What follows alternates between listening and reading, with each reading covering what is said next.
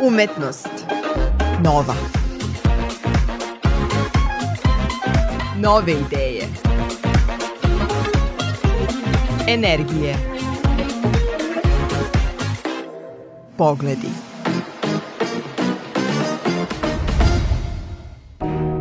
Dobar dan.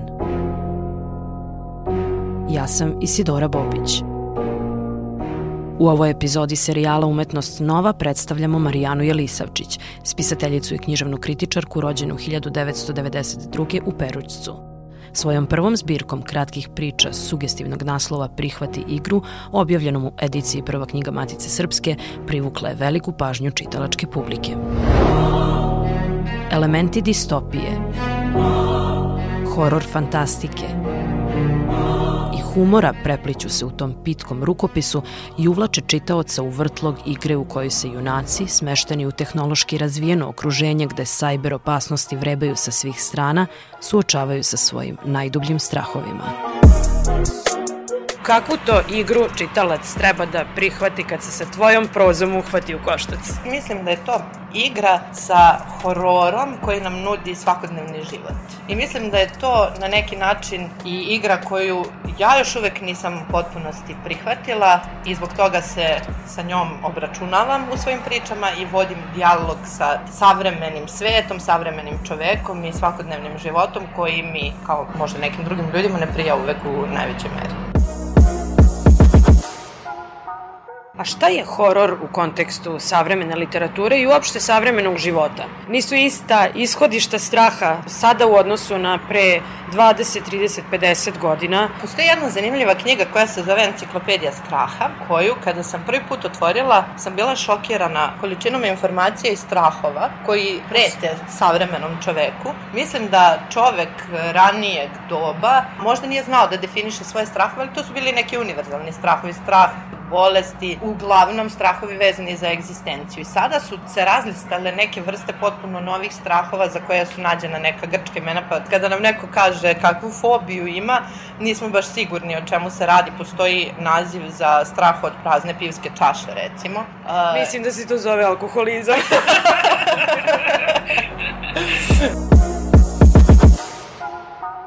ti savremeni strahovi su meni fascinantni zato što smo suočeni sa njima, svakodnevno strahujemo za to da se nama ne desi nešto loše, nešto što će promeniti naš život. To je zapravo anksioznost. Tako I tvoji junaci, rekla bih da je to njihovo osnovno obeležje, odnosno osnovna emocija koju oni nose.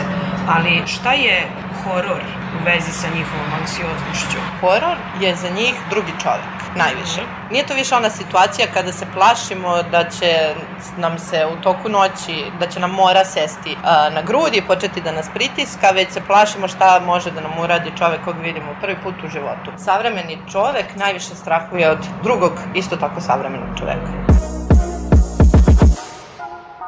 Ti si kod nas na katedri za srpsku književnost Filozofskog fakulteta ovde u Novom Sadu doktorantkinja i proučavaš horor fantastiku u 19. veku. Kako je ta tema prihvaćena od strane akademske zajednice? Kada sam odabrala temu za masterat, u dogovoru sa svojim mentorom, profesorom Erakovićem, shvatila sam da želim da uradim nešto što niko do sada nije uradio. Ne da bih napravila nešto revolucionarno, već da bih dokazala da srpska književnost nije književnost koja kaska za nekim drugim književnostima i da se uporedo možda čak i ranije razvijala, ali nije tu stvar u prednosti ove ili one književnosti, a, već u tome da su srpski pisci bili takako moderni i tada u predromantizmu, to je tema koju sam obrađevala za masterat. Moja doktorska disertacija koja će, nadam se, biti konačno napisana ove godine, prikazuje sve to u malo širem vremenskom razdoblju i malo širem kontekstu i tiče se elemenata horror fantastike u tom periodu. Jako je dobro to što,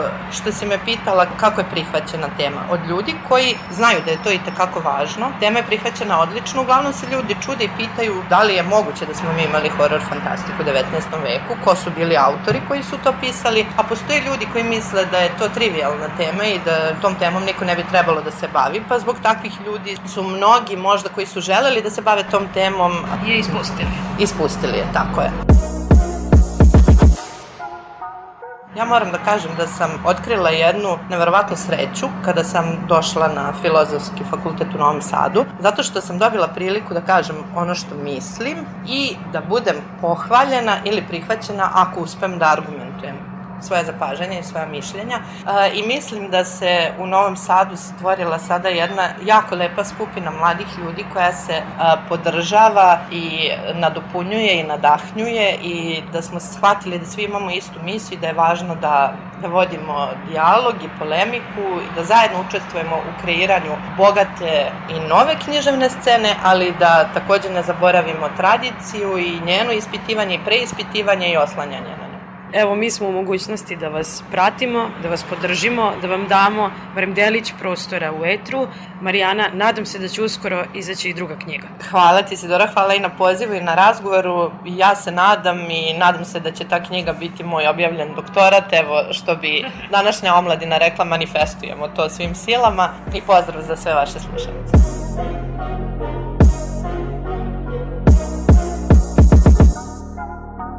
Bila je to mlada književnica Marijana Jelisavčić, čiju knjigu Prihvati igru toplo preporučujemo. Ja sam Isidora Bobić, hvala vam što ste slušali Umetnost novu. Umetnost novu.